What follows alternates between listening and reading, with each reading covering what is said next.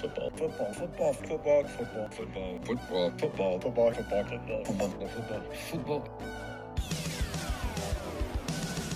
It's the football, football, football, and sometimes other sport show. Here's your host, AJ Nicoletti. What up? Happy Thanksgiving, everybody. FFFSOSS.com at FFFSOSS, Twitter, Instagram, twitch.tv slash AJNick3. We're going to try, um, we're going to try to do another stream for the USA England game. I don't know how it's going to work. I don't know if it's going to be laggy. Uh, some of the feedback that I got was just people couldn't even like watch it because it wouldn't load. So, yeah, that sucks. Um, I'm not sure what else I can do besides get an actual desktop computer and stream off that instead of my laptop, but that's just not in the cards right now, but whatever. All right, so twitch.tv slash AJNick3. We'll try. We'll try again. So hopefully it works out, uh, which would be really cool. But if not, whatever. It is what it is. So we got the pot. We got the pot. So a happy Thanksgiving to you and yours. Again, if you're going out, you know, having some beverages, no drinking, no driving, get an Uber, get a taxi, get something, get a lift, whatever. Just do not drink and drive. We don't want that happening. And um, you know, be you know, be thankful. Be thankful. Happy Thanksgiving. Okay, so we'll do uh, World Cup group results and fixtures into an NFL Week 12 preview, college football Week 13 preview, last regular season of college football already. So we're there. College basketball, then we'll do Sarai Pool Locks and pick six to wrap up the program. Okay, so let's start with the World Cup group stage results and the first of the two gigantic upsets between Tuesday and Wednesday, Argentina and Saudi Arabia. The Saudis win it 2 1. Lionel Messi's PK put Argentina up 1, but then the Argentines had the ball in the back of the net three times and none of them counted. Messi got a second. That was called offside. Lautaro Martinez scored, but he was offside. And then Martinez scored a possible second, but he was then again offside. So it was 1 0. Argentina did not uh, and were not able to kill the game off. Here come the Saudis. Al Shehri, equalizer. Al Dawsari, the go ahead goal. Big saves, big goal line clearances for the Saudis in the late stages as the Argentines pressed for a needed equalizer, but it was not to come. What an upset. A tournament favorite in Argentina losing on the first match day. Yes, we will talk about Spain in 2010 losing to Switzerland on match day one and went on to win the World Cup. But this is kind of a different story. Um, that side was Spain was known to just keep clean sheets, and if they got beat, they they gave up a goal and didn't score. This Argentine this Argentine squad is supposed to score goals and beat teams. And for me, again, Christian Romero fine to start, but to start Otamendi alongside of him, like that's just a bad mistake when you have an informed Martinez who's been really, really good. Lisandro Martinez has been really good for United. As much as it pains me to say that, he's been really good for United, and to not start him, that didn't make a ton of sense to me. Um, so I don't know. I think for Argentina, it's a terrible, terrible loss for Saudi Arabia. It's an all-time upset. And congratulations to them and their football constituents, like because that's gigantic. That's a gigantic uh, three points, and you know that possibly starts them on the path to get through to a knockout, which would be insane. Um, second game of four on Tuesday, Denmark and Tunisia. Tunisia that one finished nil nil. Tunisia scored, but it was ruled offside. Set piece. Uh, gets saved. Denmark score, but there was an offside in the build-up. Eriksen had a good shot save, but Denmark um, that went out for a corner. And on that corner, I have no idea how Denmark did not score. Ball to the back post, then headed towards the near post originally, and it doesn't go in somehow. I don't know how that game finished. Nil nil. Then Mexico Poland, another nil nil, but an exhilarating ride for the Mexicans who had chances in the first half. Lewandowski wins a pen. It wasn't called a pen originally. Play went on, and then finally we had a stoppage where the referee could go over to the monitor and look at um, the situation. And Lewandowski was pulled back for sure, and it was a pen, especially the way they're calling him in this tournament so far.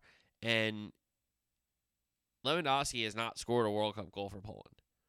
And that continued because the penalty was saved by Ochoa, who has been Mexico's best player in these tournaments, time in and time out. He's been outstanding between the sticks for Mexico. They get a big chance later, the Mexicans do, but Szczesny makes a save. Poland set piece later in the match. The chance gets blocked, so that one finished nil nil. The points split. France, Australia, the nightcap in Qatar on Tuesday. The defending champions went down 1 0. Goodwin scored for the Socceroos in the ninth minute, and Lucas Hernandez was injured on that play, so Theo had to come in, his brother, to play left back. Um, Duke had a long strike that just went wide, so the Aussies were threatening after being up 1 0 and scoring that first goal, but here come the French. Rabiot header levels it.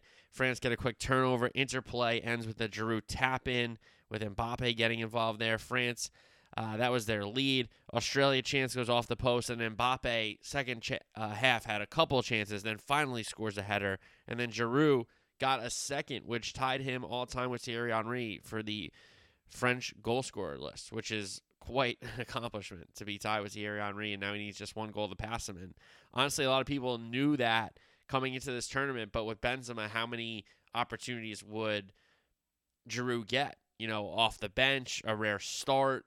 Maybe they were ahead in, in both first two games, and Drew would come on and get a chance or whatever.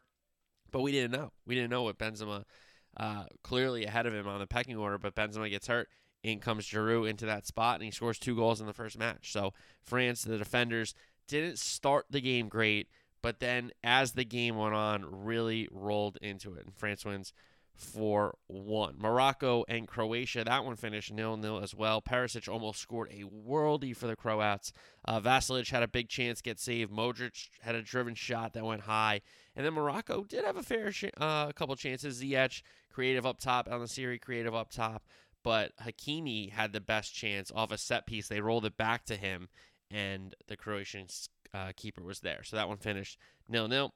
Germany Spain, the second of the gigantic upsets. We had Argentina blowing a 1 0 lead to Saudi Arabia, and we had Germany blowing a 1 0 lead to Japan. Japan went at 2 1. Uh, Maeda scored for Japan, but it was ruled offside. Gundogan gets a penalty, um, and they score it. So Germany goes up 1 0. Havertz later in the first half scores, but that was chalked off by VAR. And in the second half, Germany had chances but couldn't kill the game off, and Japan also had chances to get level and couldn't do it until the 75th minute. Doan gets Japan level, and then a ball over the top where Sule did not get the memo that they were playing the offside trap. They keep uh, Asano on, and Asano roofs it against Neuer near post. An absolutely fantastic finish to give the Japanese the 2 1 lead that they would hang on to. Samurai Blue reigned over Germany on this day. 2 1. The Japanese score a gigantic upset. And even after the match, a lot of the Japanese players were like, we were inspired by what Saudi Arabia did yesterday. They were down 1 0 to Argentina. We were down 1 0 to Germany, and we came back just as they came back. We were inspired by them. So, a gigantic result for Japan, a incredibly difficult swallow, like lost to swallow for the Germans to start their campaign. Now, this is two in a row after they had won in 2014. This is two World Cups in a row where they've w- lost their opening match. Very, very tough times for the Germans, who were a team that picked to get out of this group, and a lot of teams picked them. A lot of people picked them to make runs. So, I'll say this: it's a bad loss for Germany. Congratulations to Japan, but it's a bad loss for Germany, and they have to get their act together in this group to get out of it because Spain absolutely decimated Costa Rica 7 0. A dominant La Roja performance for Luis Enrique. Gavi and Pedri starred in the midfield. He put Rodrigo alongside Laporte on the back line, which let Busquets be the captain in the middle of the field. And it kind of gave them an extra midfielder that can play center back, which was brilliant. Um, Azpilicueta in for Carvajal, which I'm not sure how long that's going to be for. I think Carvajal might be the better player, but if Azpilicueta is in form and playing well and serving the ball in, why not? Um, and Asensio gets a call up top. Fernando Torres gets a call up top. Olmo gets a call up top. So Morata to the bench. Sarabia to the bench. No Ansu Fati in the starting 11 for Spain. But a dominant, dominant performance. Uh, Gavi's ball in for Olmo, who controls it and puts it past the Costa Rican keeper, Keylor Navas. Asensio had a really good finish off of Alba cross to make it 2 0. Then the Spanish drew a PK. Fernando Torres scored it. Then, uh, second half, Torres got a second for his brace. The fifth goal, Gavi an absolutely outrageous, audacious finish. I mean, it was a sensational outside of his foot first time volley. Like you have no right doing that, and he's 18. You know, and that's his first World Cup match. Pedri was good too, but Gavi had uh, the assistant goals, if I'm not mistaken. So, an outrageous, outrageous finish for the fifth. Soler wanted it more for Spain six, and then Morata had a good shot to cap it off for seven. And honestly, I thought this game could have been like a nil-nil for a long time, and then Spain nip one because of just pass you to death possession, and Navas would have been there. But Navas early was not making saves, and Spain were just scoring, and that's all she wrote in this one. So Spain win it 7 0. Belgium and Canada up next, the nightcap on uh, Wednesday's action. Belgium won at 1 0. No Lukaku, so it's Batshuayi up top for Belgium. And honestly, it was all Canada early. And they had the shots, they had the chances. Uh, there was a handball check, which earned Canada a penalty. But Davies' penalty was saved by the goalie Courtois. A real, a, a good save by Courtois. Not a great penalty from Davies. He could have gave Canada their first goal from the spot and could not do it. Canada had more chances, including two more penalty shouts, which one it was kind of leg to leg with Witsel, I believe, and I don't think that was a pen. I think the guy was looking to go down and felt like the slightest of contact that was he was kind of level with him, but he knocked him down. But that's not a pen for me. And then there was also a Tielemans chance, or a Tielemans, Tielemans block, I should say, moment that could have been at least looked at. But the big moment that did not get looked at, and honestly should have been a pen, was Belgium trying to clear. Eden Hazard back passes it to a line of his defense. It goes through everyone, which makes the Canadian attacker onside again because it was back pass. He gets slid out flag goes up for offside. Play on. Like I, that's that's a pen. That's a pen. And Clattenburg said it was a pen. And there were Stu Holden said it was a pen. And a lot of moments in that game were like, hey, this is like we should at least look at this. Cobi Jones was doing the game with JP Dellacamera, if I'm not mistaken, and they were even they were like in real time, like, hey, that was a back pass. That should be a penalty, should it not? So guys did a good job at halftime as well, but should have been a pen. So they had one. It was saved. They had two or three more shouts at one at least. So the run of play was downhill for Canada until uh, ball over the top by Alderweireld. Batshuayi finishes, and it's 1 0 just before the half there. Second half action, Courtois had a couple big saves on Larin and a header. Then Belgium had a chance from De Bruyne, um, set piece, but then the header went high. De Bruyne had a chance on the run. He misses high. Larin had another header that went high. So a lot of chances missed. Canada had the bulk of them. Belgium just score the one goal they need to get the three points. And they were not at their best. De Bruyne won man of the match, and he even said after the game, he's like, "I don't think I deserve man of the match. I don't think I was. I didn't play. A, I didn't play a good game." That's what he said after the match. So he's like, "Credit Canada," which is a really classy thing to do. Kevin is all class. I love De Bruyne, honestly. So those eight matches in the books and we will look ahead to Group G, Group H action to wrap up the first match day, and then look even forward to more matches through Monday for uh, match day two. So the two gigantic upsets, the highlights Spain and France looking good as well. And then you have some interesting teams in a Denmark getting a nil nil, Croatia getting a nil nil. So um, we're set up again for an outstanding finish to the group stage and then hopefully like an unbelievable knockout round. But through basically one match day with only two groups to play here, we, we're set up for a really interesting second wave of games into the last wave of games of the group stage. That's for sure. All right. Preview the next round here, or next wave of fixtures, sorry. Uh, Switzerland and Cameroon. It's been like a nil nil special, that early window game this I could see being a nil-nil special. Um, Switzerland organized defensive.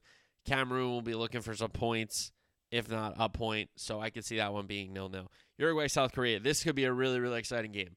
Uh, depending on what formations are used, styles make fights. That's what they say. Styles make prize fights in boxing.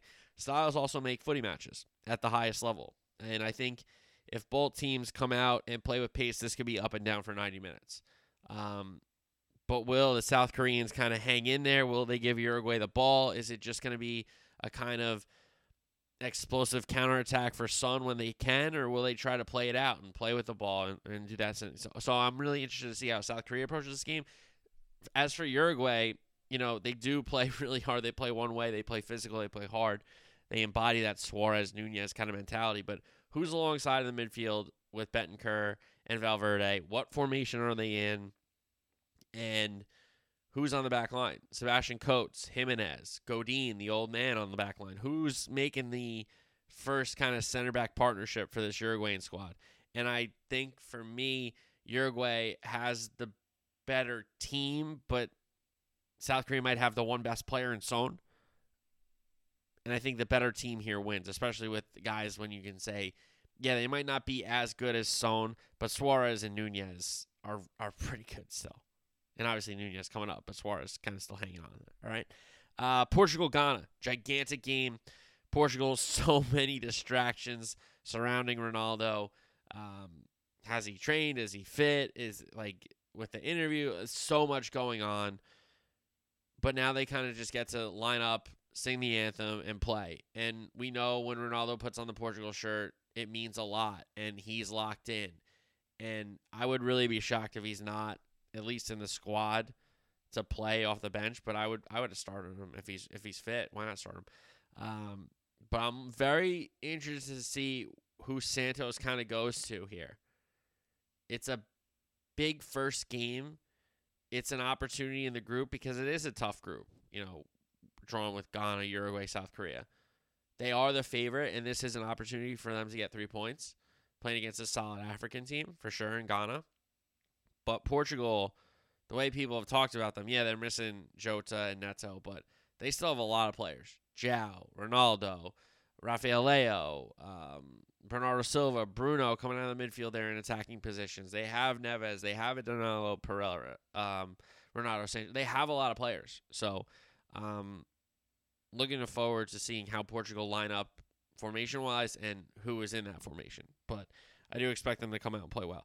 Then we get Brazil and Serbia. Brazil, this will be the last match of the first wave of fixtures, and they save a tournament favorite for last. And Serbia have a really, really interesting attack with Tadic behind Mitrovic and um, Dusan uh, Vlahovic from Juventus. That's a really, really good triangle of attack. And Brazil better be ready for counters, and Brazil better be ready for set pieces because those guys can head the ball and Tadic can curl it in. That's for sure. So Brazil are going to be on high alert here. But I do think the Jogo Bonito does play out. Uh, we see Brazil with the flair, with the goals. So I don't think they keep a clean sheet, but I do think Brazil will be able to break through the Serbian lines and finish their opportunities. A lot kind of they're an interest they're like Spain with flair, but they do try to score. Like Spain, you would think would be fine with passing the ball around, having possession 90% and like getting a 1 0 goal. And like, yeah, we passed the ball and we just kept the ball rolling and we got our goal and then we just passed it. Because they can't score if they don't have the ball. So if we just have the ball, they can't score. We already scored already. What's the point of scoring again? Like that's that could be the Spain mentality. Brazil is kind of like, yo, let's just keep the ball passing around with some flair, and we'll score some tap ins. Yeah, that sounds good. So I expect Serbia to be ready for this game and have a good game plan. But if Brazil is Brazil, I mean, it's it's pretty synonymous. Brazil's going to find a way to get three points. All right. Um, then we get into our second round here. Wales, Iran. Wales getting the huge draw with the United States, have an opportunity to get to four points, which is a big number with a game to play. Um, and Iran, who did score twice against England, show a little bit going the other way, but um, Wales are a solid team that know what they have to do.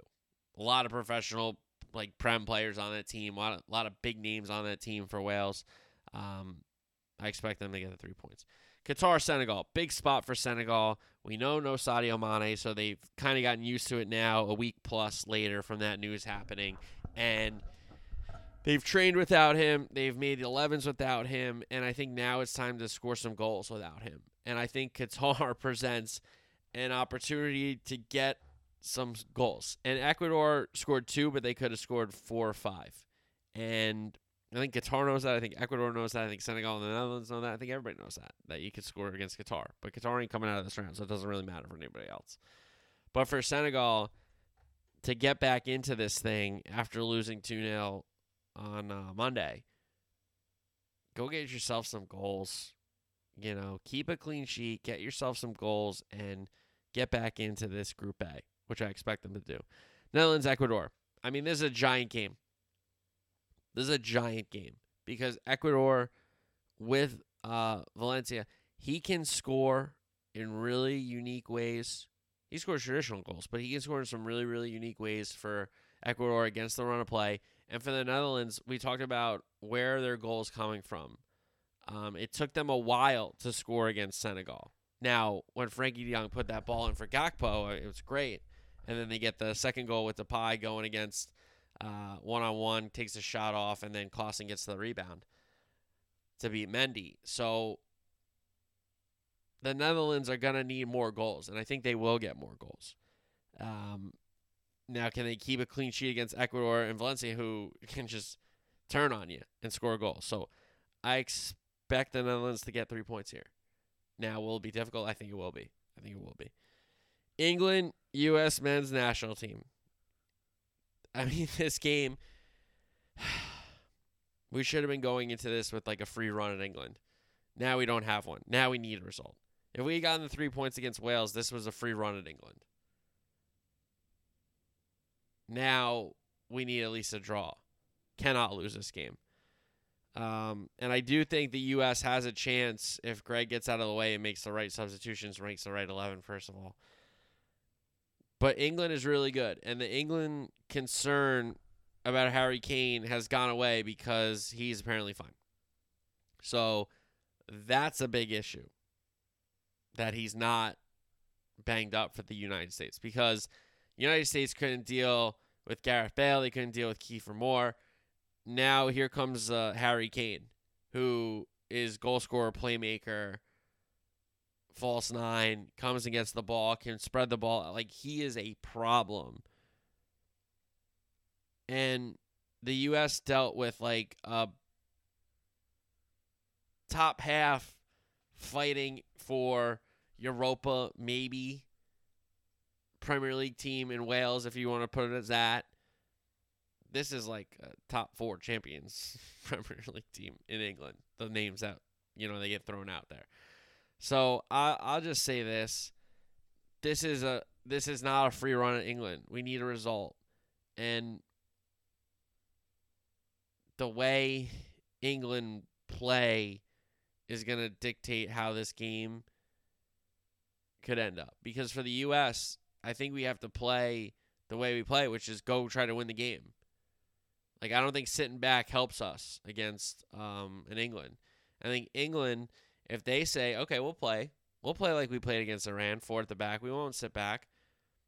That kind of creates an up and down game, and I don't know if we have the states have the horses for that. Whereas, yeah, we could go to an Aaronson or Gio off the bench if he plays the same eleven, but look at what they did to come off the bench. Foden, Grealish, Callum Wilson.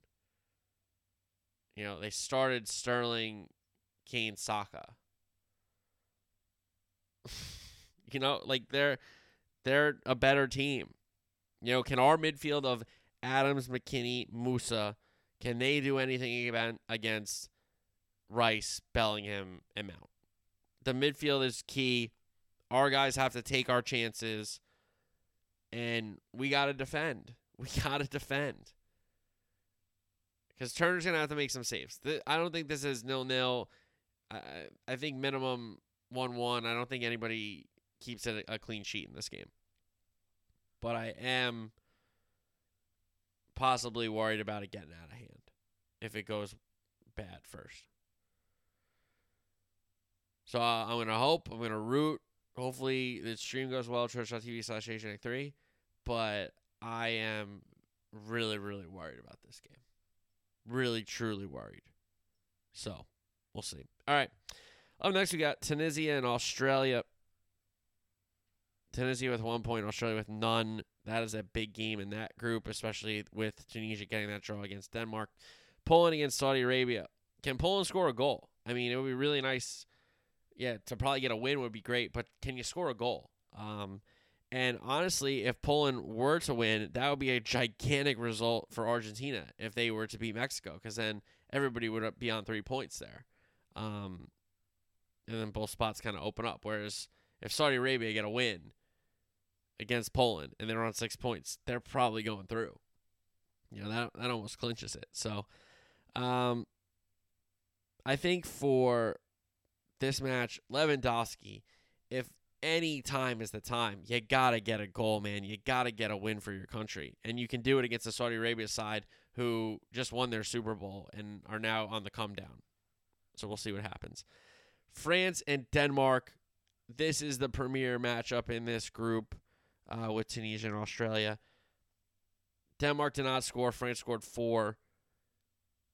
We know the French injury concerns coming into this side, but they are so in, into this tournament, but their side is so deep.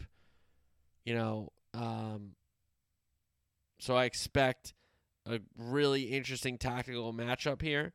Um, I'm really, really looking forward to this one.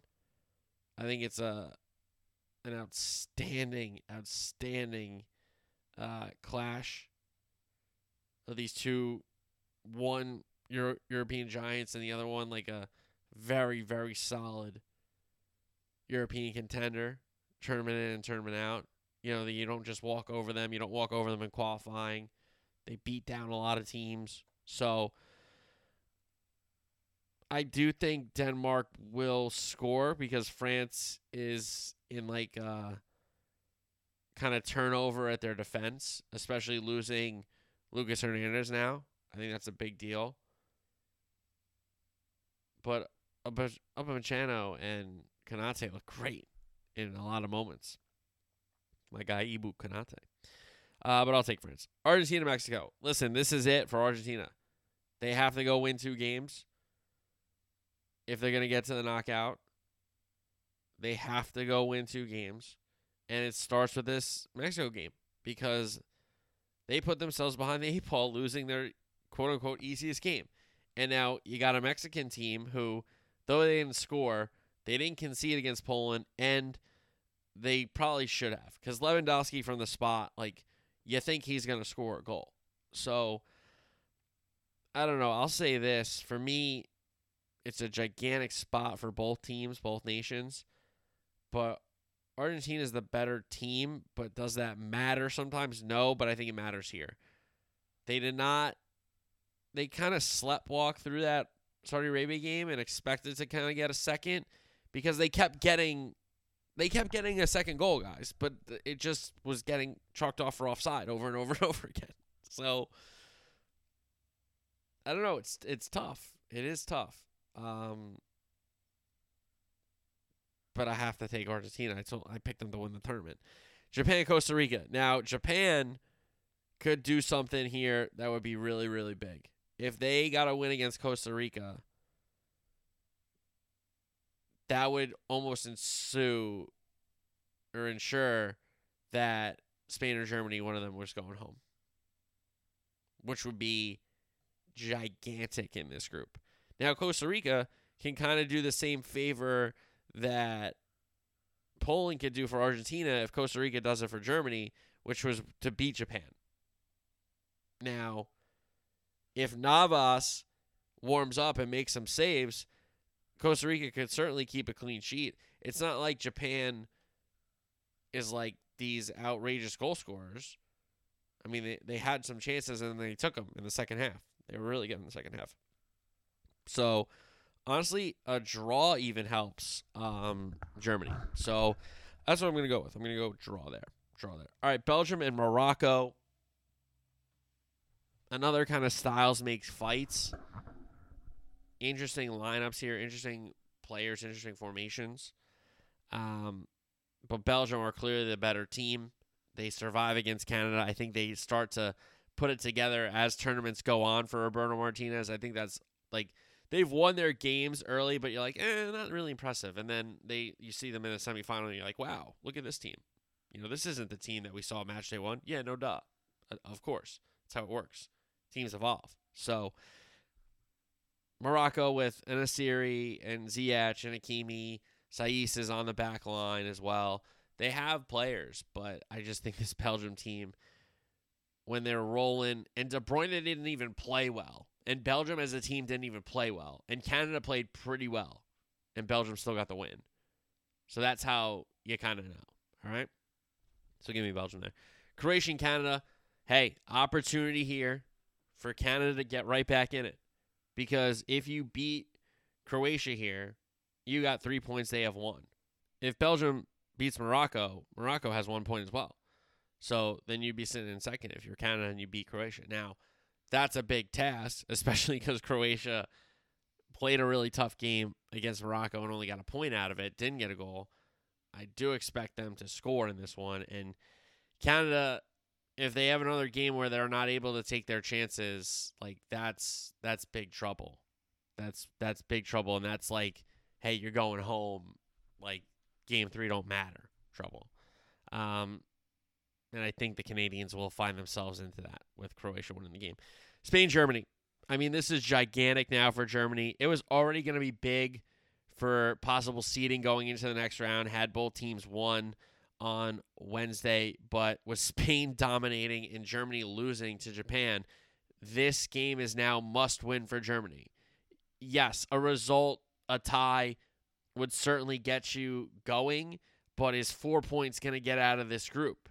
And still, that's assuming you go and beat uh, Costa Rica. So, and they really should. That Spain bounced them 7 0. Germany should still have that firepower as well. But you would have thought they would have beat Japan. So who knows? So I'll say this about this one gigantic game. So many stars.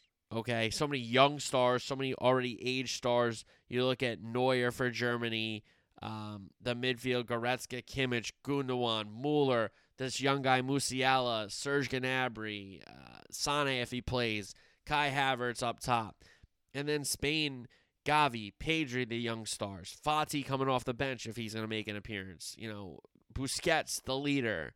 Um, there's so many stars, and there's so many like like faces you know. Like soccer's a really cool sport because you know they're not wearing hats, they're not wearing helmets, they're not wearing you know you can see their face. It's kind of like basketball in the same way. Why basketball and and uh, soccer are really really marketed sports really well, and because you can see their faces the whole time. That's a big deal, guys. Like the NFL guys put their helmets on, and then notice like very rarely the commercials you see their helmets are on. Think about that. Um, but yeah, Spain Germany for me, gigantic game. So many stars, so much firepower. Uh, I have to say Germany has to go out and get a result now, just because of what took place on Wednesday. So give me Germany win or draw there. Cameroon, Serbia, South Korea, Ghana, Brazil, Switzerland, Portugal, Uruguay. So this will be uh, the second wave of matches for these groups. And Cameroon, Serbia could be a really, really interesting matchup. Obviously, South Korea, Ghana could be a situation where if Portugal or Uruguay were to slip, it's going to be one of those teams advancing. Brazil, Switzerland. Switzerland is disciplined enough to not fall into like the Brazil lull the sleep trap thing. I would I would be surprised if Switzerland didn't give them a game. And then I think the game of the group for Portugal, Uruguay, South Korea, Ghana is Portugal, Uruguay, which I'm really really excited for. I, I can't wait to see Portugal or Uruguay and and Brazil um, on this Thanksgiving Thursday, and then uh, as we start the second wave of games and we get closer and closer to the knockout. So that's our World Cup. Um, results and fixtures. Now let's get into our NFL Week 12 preview. No buys, no buys, which is really really cool. So we got a triple header on Thanksgiving. Obviously, we start with Buffalo and Detroit. And honestly, this is gonna be high scoring. I know everybody's like, it's gonna be high scoring. No, it is because yes, the Bills defense, we've seen them, but when the conditions are good and they're in a dome, the Lions put up points. The running game gets going. Swift seems to be getting a little healthier. Williams leads the league in touchdowns, okay? And with yeah, they're missing Hockenson, obviously trading him. They're missing some other guys, but Goff does a really good job of spreading the ball out. St. Brown makes a ton of plays for them, and I think Detroit, though I lo- I I know the Bills' defense is really good. I know that.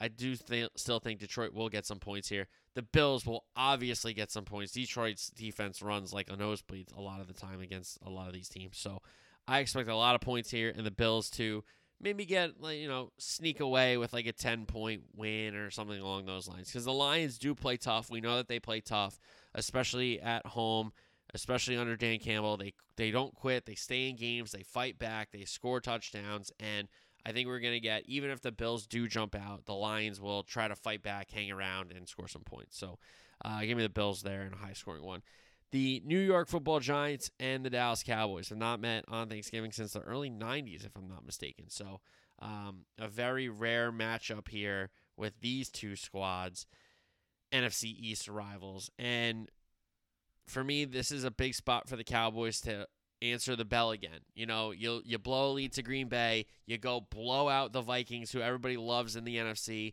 and now you at home on Thanksgiving, division rival against a team who has a pretty good record. Now, are we sure they're a great team or a good team that matches? No, but you are what your record is. Bill Parcells said that. He coached both these teams. We know that. So, um, the big issue for the Giants, they're down a lot of offensive linemen. Four out for this uh, matchup with the Cowboys. And you don't want to fall behind to the Cowboys and get the pass rush going. I, I mean, Micah Parsons had two and a half sacks last week, if I'm not mistaken, against the Vikings.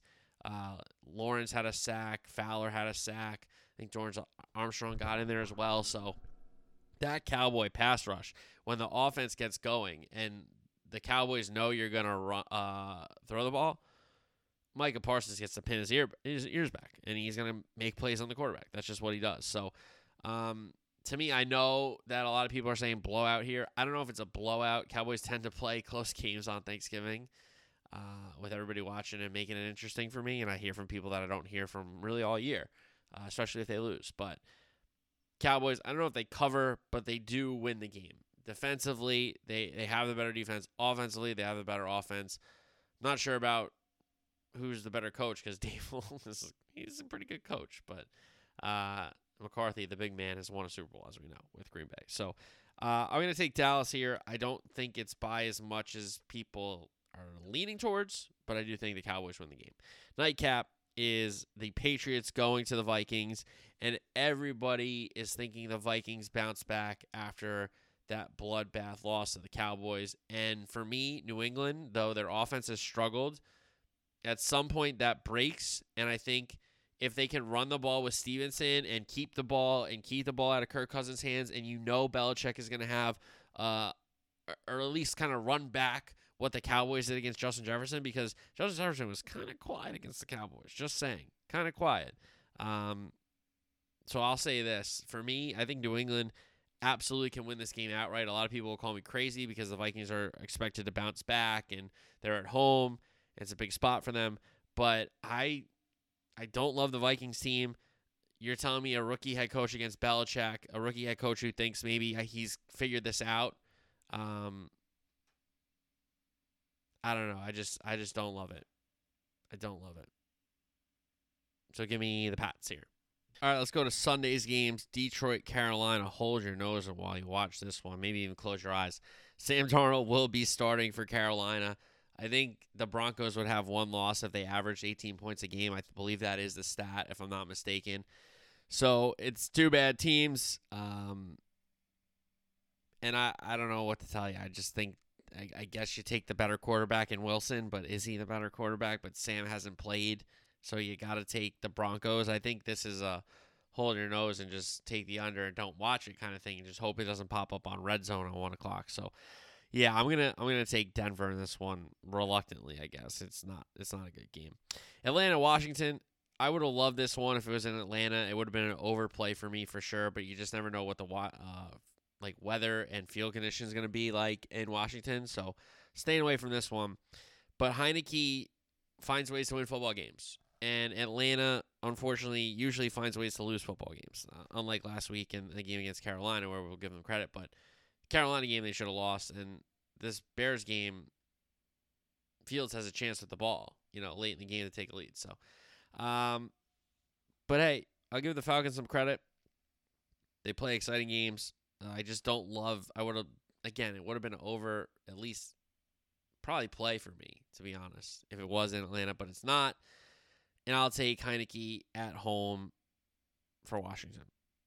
Houston and Miami. I think this is going to be a lot of people's obviously survivor pool pick uh, because Houston's really bad and Miami's pretty good. Miami coming off the bye in games that Tua has started and finished. The Dolphins are unbeaten. So again, I love Tua.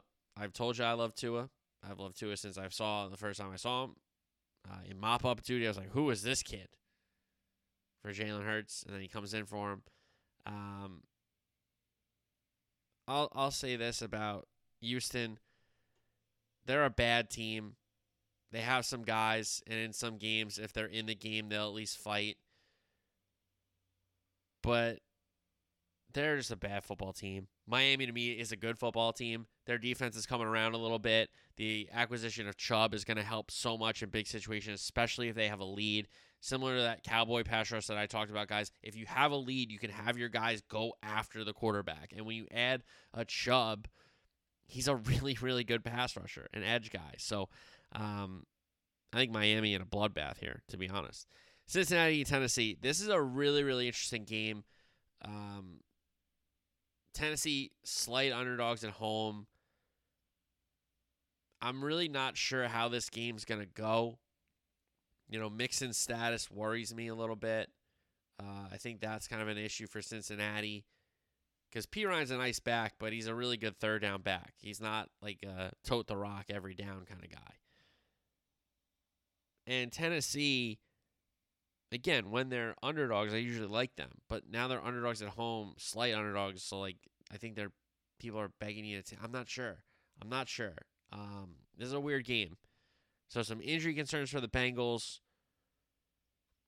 Are they going to be able to body up Simmons, their D tackle, the Titans? Very interested to see that. And I, I always like Burrow more than Tannehill. I think that's obvious. So in these kind of games, I like going with the quarterback. So I'll go Cincinnati slightly, and I'm usually right in these Tennessee games, but I just don't know if I have a feel for this one. So I'll go better quarterback. Chicago and the New York Football Jets. Zach Wilson is benched.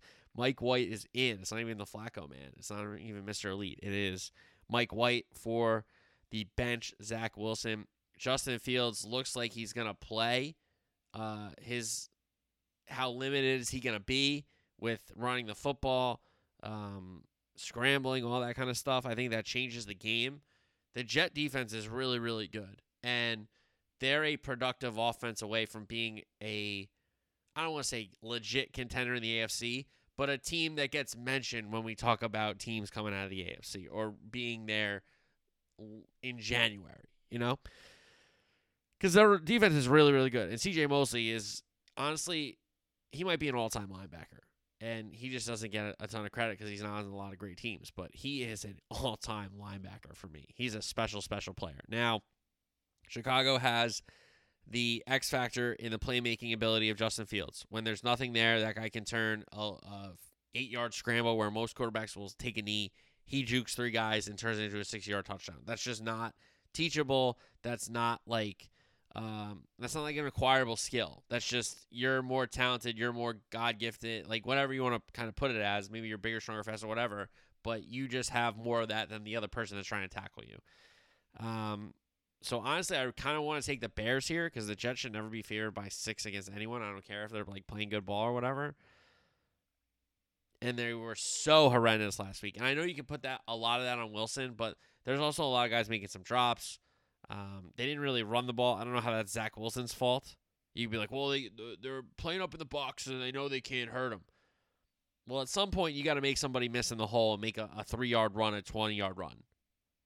It's at some point you got to do that to help your quarterback out. Um, but I don't know. I'll take the Bears here. Tampa Bay and Cleveland. They got some vandals in Cleveland that are running golf carts on the field, so there's a little field damage there. But here's what I expect Tampa to do. Coming off the bye, they won in Germany two weeks ago. Can this Tampa team late November into December, put it together, find a, find their way to the top of a bad NFC South, and honestly, a winning streak is how they get there, and they gotta build one. So I, I do expect them to go to Cleveland and find a way to win. I, I think Brissett is a nice, you know, stopgap quarterback. Obviously, they have Deshaun coming back from suspension as soon as they're off the bye, but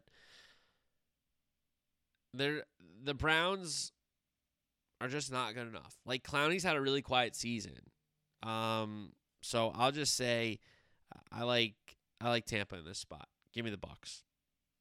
Baltimore goes down to Florida next. Take on the the Jacksonville Jaguars. Listen, I think there's a lot of spot for the Jags. I don't think they win. I think the Ravens are not as good as maybe people think they are.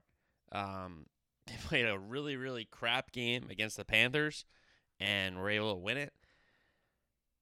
And on like another day, if they played another team with the way they played, they would lose. So I guess they got away with it, you could say. But Jacksonville to me with Etienne, with Lawrence, he's got some weapons. If he can make some plays, they can stay in games, have a little bit of a pass rush on that defense, have some players. So I think Jacksonville hangs around in this game. Might win it outright, but probably doesn't. Um, but I'm going to take Jacksonville in this spot to hang around, but Baltimore does win the game. Chargers and Cardinals. Kyler Murray is still a question mark if he's going to play.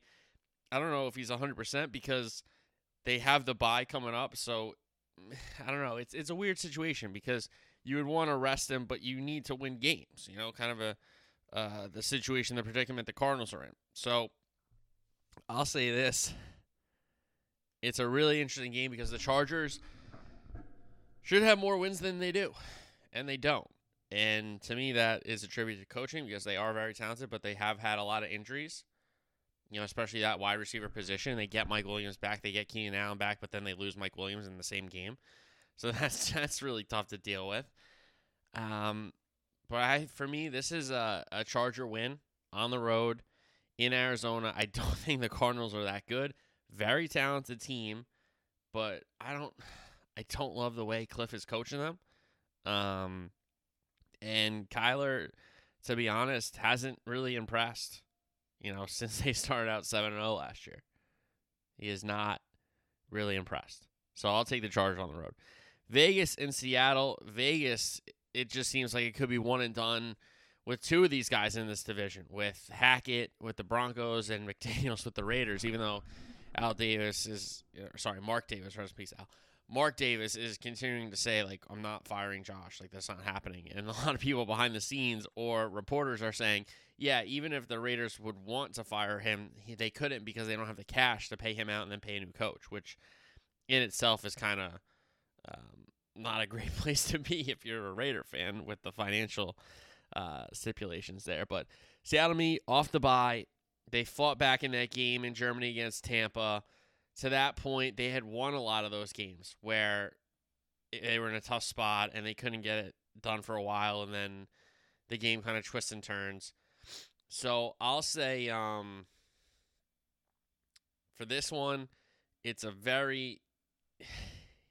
I think it's Seattle is clearly the better team, but if you told me this like in August, I'd be like, hey, maybe Vegas could go win that game. If we think Vegas is who we are and think Seattle is like bad, like this could have been a game if Seattle's bad that they, you know, find a way to win at home, but they're not bad. Even though I think, you know, have thought they were bad.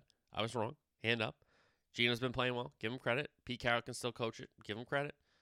Um, so for me, I I think Seattle wins the game. I think Seattle wins the game because right now they're a better team than Vegas. So give me the Seahawks. Saints and Niners in San Francisco or Santa Clara, sorry. Levi, this is a big opportunity for San Francisco to continue building momentum with wins and good performances because the Saints with Dalton are not gonna beat you if you let them. Uh, eh, like if you don't if you don't give them the game, if you don't hand them turnovers, if you don't hand them good field position, if you kind of make penalty like get penalties called on you and screw this game up, like yeah, the Saints can hang around and steal a game. But if the Niners come out and Jimmy G is accurate on time with his throws, if McCaffrey um, and Mitchell are going in that running game, if Kittle's blocking and getting the ball, if Deebo's getting involved in the running game, and obviously an extension with the passing game, you know, Aiyuk's catching these slants and scorings. Like the Niners are a really, really talented and good football team, and defensively they're outstanding as well. So the Saints are not. Give me the Niners here. It's pretty simple. Rams, Chiefs, Stafford is ruled out. Perkins out of Virginia is in line for the start with Wolford being hurt as well. And listen, this is a Casey Hammer spot. Um, uh, the spread is a lot. I wouldn't touch the number.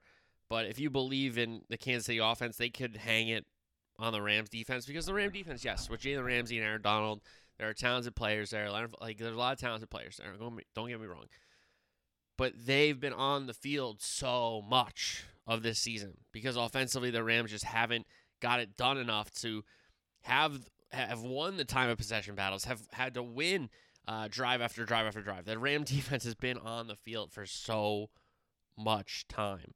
And Kansas City will just eat that up. And though Aaron Donald and Jalen Ramsey and the rest of those guys are really, really talented, you know, Bobby Wagner comes down from Seattle, really talented. Kansas City's a better team. And as much as I love McVay, Andy Reid is coaching his butt off this year in the absence of Tyreek Hill. You got to give the guy a ton of credit. You got to give the, di- the guy a ton of credit. So Kansas City there. Green Bay and Philly on Sunday night. And you know, if Green Bay could have followed that Dallas game up with a win on Thursday night at home against Tennessee, this is a different game because you're thinking about, hey, here comes Green Bay. You know, what can the Packers do? Now they welcome the Eagles. This is a big spot. What's going to happen in this one? So, you know, personally, Eagles are the better team. Rodgers does get up big up for big games. We know that with the, the when he's beating the Cowboys. Um, I really, it's really easy to pick the Eagles and just say, "Hey, Packers are done. Pack it in. See you later, Rodgers." But there's something about Rodgers that I'm just so afraid of all the time. I don't like. I don't like picking against him. I really don't like picking against him. But in this spot, I think I have to with the Eagles here. Then Monday night, what a snoozer this one is. Pittsburgh and Indianapolis. Indy is favored. I, I, they let the Eagles off the hook at home. They could be 2 0 under Jeff Saturday. That's for sure. You could certainly have that argument. You can you can say that all you want, whatever. I like Tomlin. I think he's still a great coach. I understand people, you know, Steeler fans and people like the game's passed and by. It's a different game now. Sure. But you're working with a rookie quarterback. You've had injuries on your offensive line. Um, you've had your best player on defense, your most important player on your team, TJ Watt, miss a ton of games where, you know, you're one or two plays away on de- defense, whether it's a strip sack, he makes picks now. Like, those are game changing plays. And if you don't have that guy on your team, like, you lose a lot of that, if not all of it. Um, but I'll take Pittsburgh here on a Monday night. I don't trust the Colts at all. Uh, I'll never trust a Colt team, to be honest, after the decisions they made.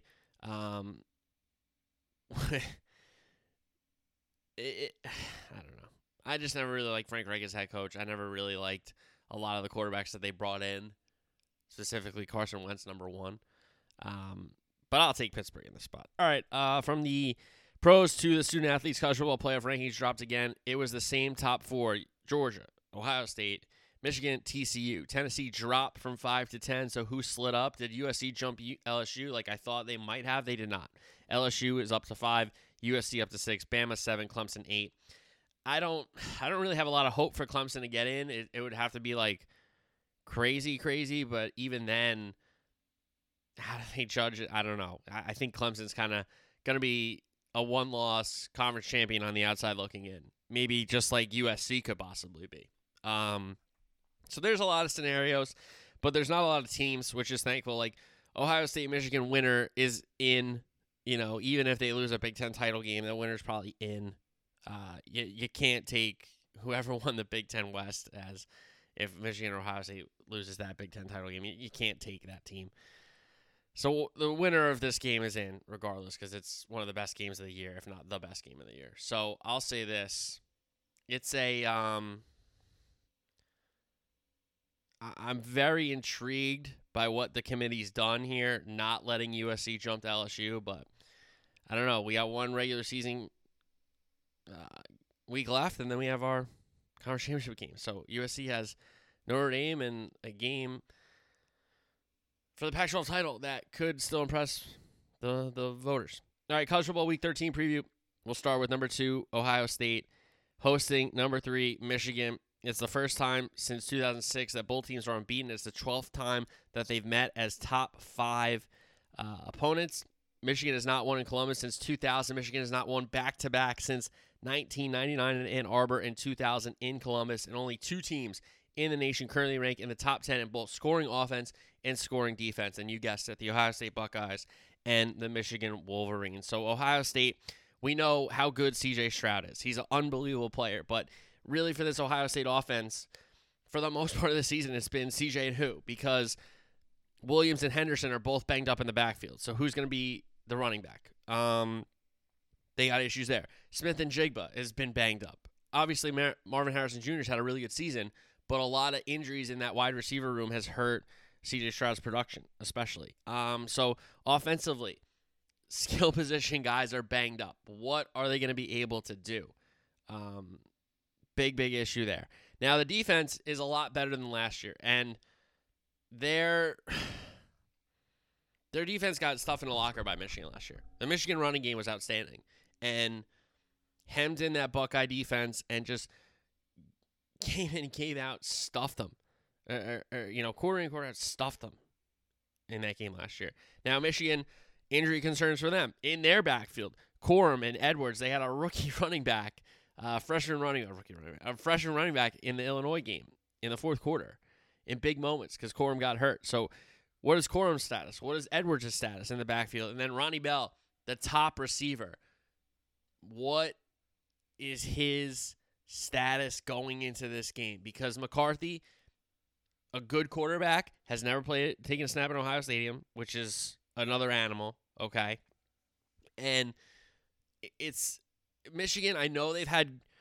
You look at the numbers and you're like, wow, they've outscored opponents in the first half. It's, they've really been a second half team where they've put teams away. Now, maybe in the first half they've let teams hang around, or they've themselves have hung around. Whatever it is, in the second half they put teams away. And I think if this game, um, with this Michigan defense is loaded again. By the way, I know they they lost Hutchinson and Ojabo, but they, they're loaded. Uh, so what's what pace is the game played at, and whose skill position players are healthy enough or on the field enough, not even just healthy enough, but on the field enough to make some big plays. I think this game, we know it's going to be hard fought. We know it's going to be tested. We know there's going to be some some personal fouls either way that are going to change some drives. So for that circumstance, I will say this. I will. I, I really, really hope we get a good game here. I really hope it's kind of a low scoring game because that keeps Michigan in it. Now, if Ohio State jumps out, scores three touchdowns on the first drive, three drives, like that changes the Michigan strategy because they can't. Michigan's not a spread them out and throw them team to get back in the game. They're methodical, running game, good approach, play action, all that kind of stuff. Um, so I I just expect a really really tight, low scoring game. Maybe not low scoring, but a tight game. And I think Michigan is just in a better position because of no one thinks they can win it this year. They're seven and a half point underdogs in Ohio State, and they haven't beaten them in Columbus in a long time. They hadn't beaten them in a long time in general until last year. Now, Ohio State is the favorite. Ohio State's played a slightly tougher schedule, just basically thanks to that Notre Dame game at a conference where Michigan didn't really play anybody at a conference. But what pace is this game played at? Whose skill position players can actually make some plays for their quarterbacks? Because both defenses are going to make some plays. What skill position guys make plays? And if both backs are banged up for Ohio State, if Smith-Njigba is banged up for Ohio State, and Corum and Edwards can kind of go for Michigan, like who's ever going, who's ever gonna play them, like Blake Corum's like I'm playing, like end of story. So if he's good to go, like I like Michigan because I like Blake Corum. I think he's outstanding, outstanding back. So I guess I'll slide with Michigan again. I'll slide with Michigan. Notre Dame and USC, the other gigantic game uh, this week. Notre Dame is trying to play spoiler for USC's college football playoff hopes. They kind of did it with Clemson with giving the Tigers and Dabo Swinney their first loss of the season. Five in a row for Notre Dame after they started three and three. It's USC's top offense against Notre Dame's top 20 defense. Freeman's been good against top teams. He gets his side ready to play. Um, they hung in there against Ohio State. They beat Clemson. They they've won some big games. Um, they just had two bad losses to Marshall and Stanford, and they're those two losses. And who knows if they win the five in a row in the rest of the games? But those two losses were very bad losses. Just I'll just tell you that. I mean, I think everybody knows that. So I really don't have to say much about that one. Um, but I like USC in this game. I think Lincoln Riley, I know USC's defense is not that good, but they've gotten some turnovers, and I think you can turn this Notre Dame team over and give Caleb Williamson short fields. Now, will USC be able to go up and down the field like they do in their conferences as much as that? No, they won't, because Notre Dame's defense is legit and they're good enough. Um, so I don't think this game's in the 40s. I don't even know if this game is in the 30s, but maybe USC gets into the 30s. It's like 31 24, 31 21, something like that. Uh, but give me USC. All right, then we got Georgia Tech and Georgia. That's a bloodbath. Iowa State, TCU. Can Iowa State give the Horn Frogs their only blemish of the season so far? Now, if you said, hey, TCU is playing Iowa State out of the season, TCU's been good, Iowa State's been mad. You say, hey, I like TCU at home. But it's a really big spot. And how many times can they keep getting away with the ways they're winning, the Horn Frogs? Um, but that being said, I hope they continue because it'd be really, really interesting going into next weekend with all these good teams, right? So LSU goes to College Station to take on A and M, and honestly, I don't know if I'm going to watch a second night one because A and M is is so bad, so bad and so talented. It's a crazy combination. And LSU, I just can't stand watching Brian Kelly. I can't. Auburn and Bama, a Iron Bowl that doesn't really mean much, but state pride. South Carolina, Clemson. This is South Carolina's best shot at Clemson in a while, guys. Um, and you just think maybe they went a little over the top against Tennessee last weekend, and now Clemson's gonna hang them. Um, I don't know. I just you know hang fifty on them. So I um, it is South Carolina's best team in a long time that could beat this Clemson Tiger program, but Dabo Swinney has come to Clemson and done a couple things. You know, he's made them perennial winners. He's made them, you know, ACC champions and in, in the conversation every season. He gets them in the playoff talk. He gets them in the playoff. He wins national championships, and he beats South Carolina. So I expect them to beat South Carolina. Oregon and Oregon State, you can't call it what people used to call it. Kind of like that Texas Oklahoma game. There used to be a fun name for that. You can't say it anymore. Um, this is a big spot for Oregon State. Oregon State has ruined Oregon seasons a couple times in recent history, and this is another opportunity for them now. Not saying that this Oregon season is an all time season, but they can still finish strong and possibly be Pac 12 champions. Now, they have to get through Oregon State to do that and win against USC, but it could happen. Now, this one is in uh, Corvallis, I I really think this is going to be a tough spot for the Ducks because Oregon State's played some really really good football. So, uh, as much as I like Oregon, you got to lean Oregon State here. Tennessee and Vandy, Milton in for the injured Hendon Hooker. And Milton loves to throw the ball. We know that. Um, he doesn't really throw it accurately, but he throws it hard, and he does like to throw the ball down the field like Hooker does. So, not a lot changes with this Tennessee offense. Now, Vandy has an opportunity here with back-to-back SEC. Can he? Can they make it three in a row? And one over Tennessee, which would be in in one of Tennessee's better years in recent history if they lost to Vandy. Imagine that. Imagine that. Michigan State, Penn State. Uh, we got Kansas and Kansas State. Kansas State trying to get into that Big 12 title game to play TCU and possibly play spoiler purple on purple there. Uh, good game in the Sunflower there. Washington, Wazzu in the Apple Cup. Utah, Colorado, those two teams, um, you know, now rivals in the Pac 12. Florida and Florida State. Florida State is ranked. They put it kind of together under Mike Norvell, and we're not sure about the Florida head coach. So that could be a big one in that contest, in that rivalry. NC State UNC could be a lot of points, especially if Leary was healthy for NC State, but could be a one way show for UNC.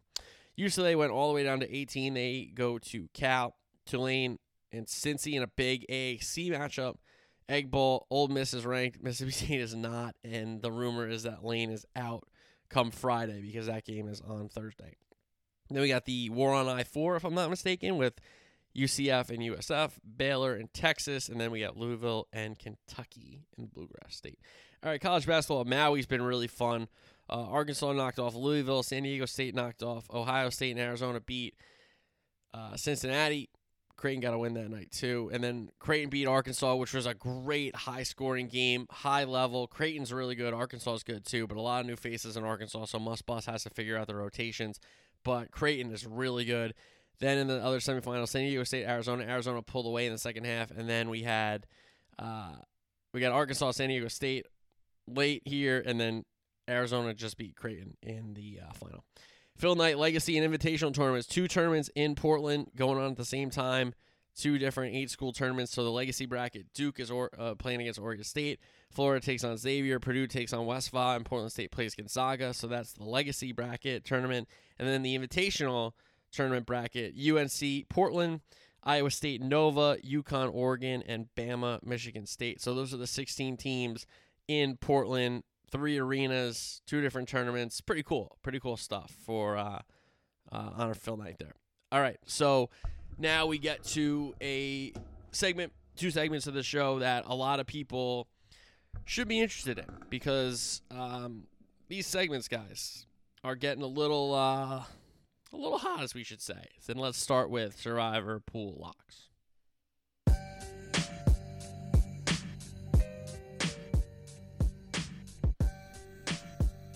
Sorry, pool locks for week 12 here. 24 and 9 on the season. A lot of 3 0 weeks in a row. Let's try to make it another 3 0 week. Pick number one Miami against Houston. I think this is pretty obvious. It is a home game, it is non divisional, and it's an opportunity for Miami off the bye to put a number on Houston say, hey, everybody in the AFC, remember us? You know, we went away for a little bit, but we're back because we had a week off. So pick number one, pool locks for week 12, Miami versus the Houston Texans. Pick number two, backup quarterback, third stringer here for the Rams. They're banged up, no Cooper Kupp. Defensively, I think they're exhausted. In Kansas City's really, really good. And Kansas City's playing for something in AFC. They wanted to go through Arrowhead. So pick number two, Kansas City Chiefs at home against the Rams, another team at home at a division. And the third pick, another team at home at a division. I tried to keep it in a theme this week, follow the rules this late in the driver season. San Francisco at home against New Orleans. Uh, San Francisco is a better offense. San Francisco is a better defense. San Francisco is a better coach. San Francisco is a better team. San Francisco has a better record. San Francisco, like, what else do you want me to say?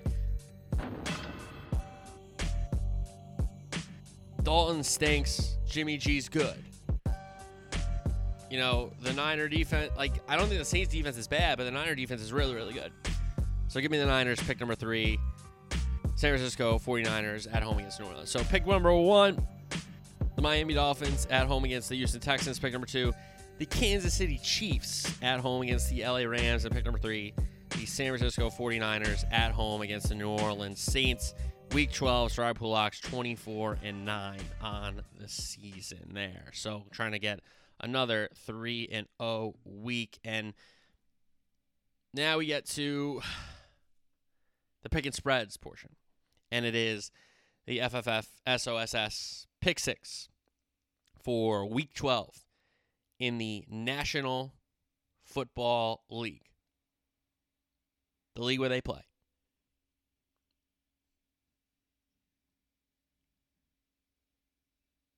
For pay.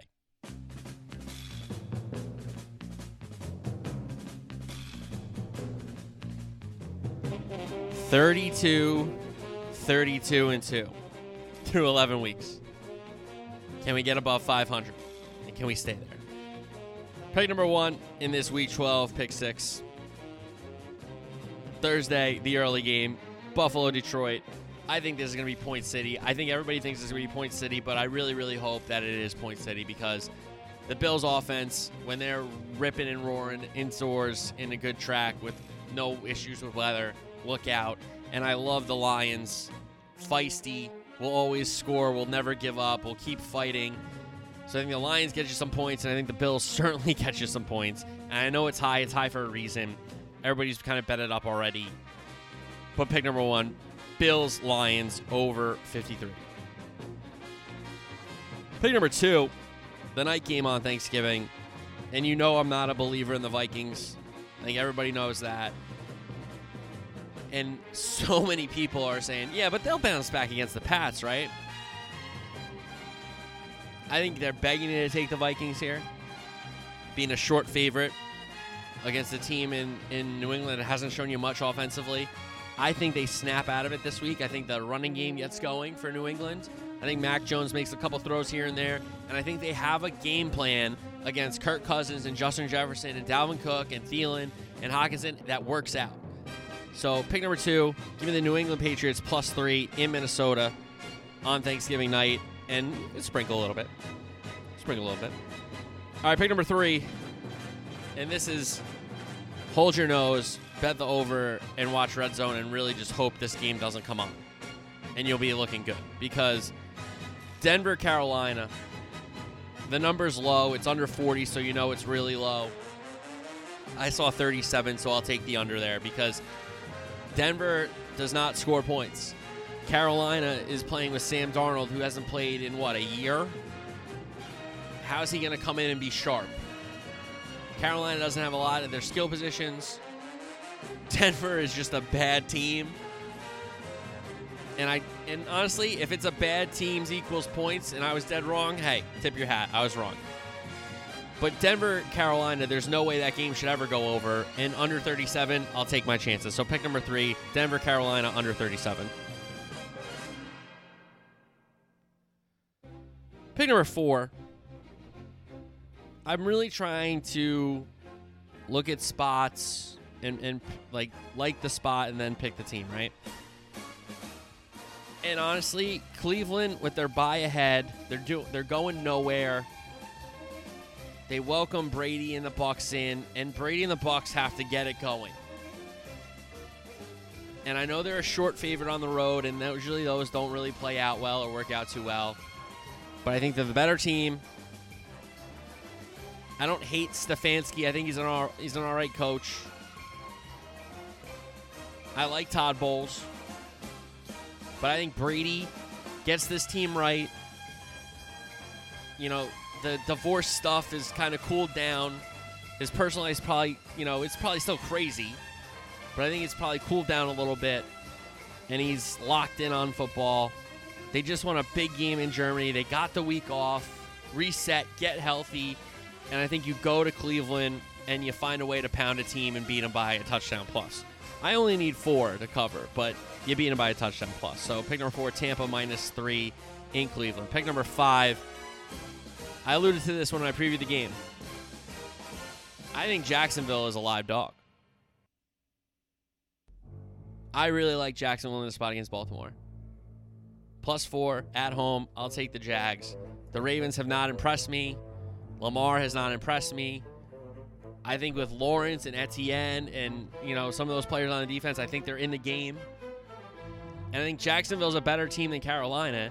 And Carolina was in that game until like the fourth quarter and shouldn't have been.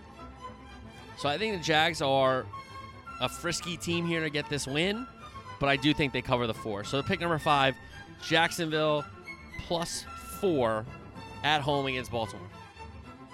And pick number six, New Orleans, San Francisco under 45. I don't think San Francisco has, you know, a 30 plus point game in them against New Orleans because I think New Orleans defense is a little more respectable. And I don't think Andy Dalton is scoring points against that Niner defense. So I think that's low scoring. I think it's a game where both defenses come to play. Niners do what they got to do and, you know, hold the Saints to under 13. They get their 20 plus and we call it a day.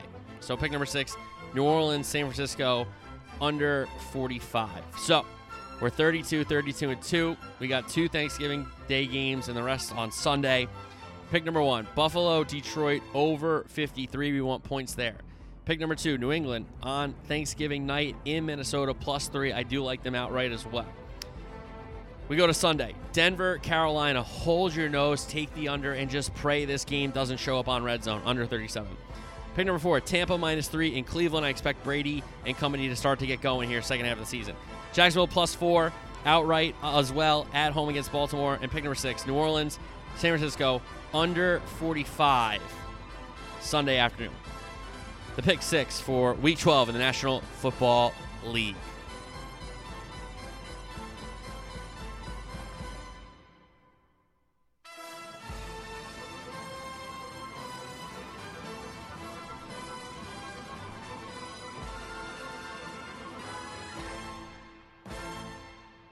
All right.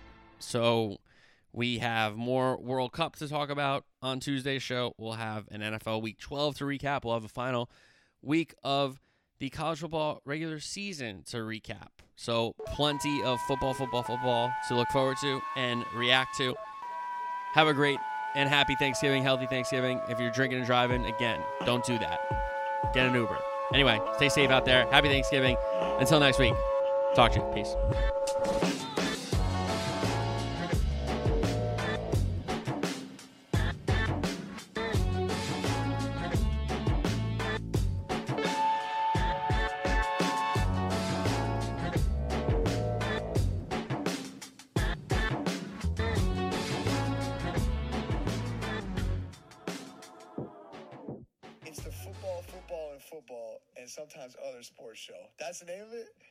Guys, check out his podcast. That sounds like my kind of podcast. Football, football, football, and sometimes other sports show. Sounds like me.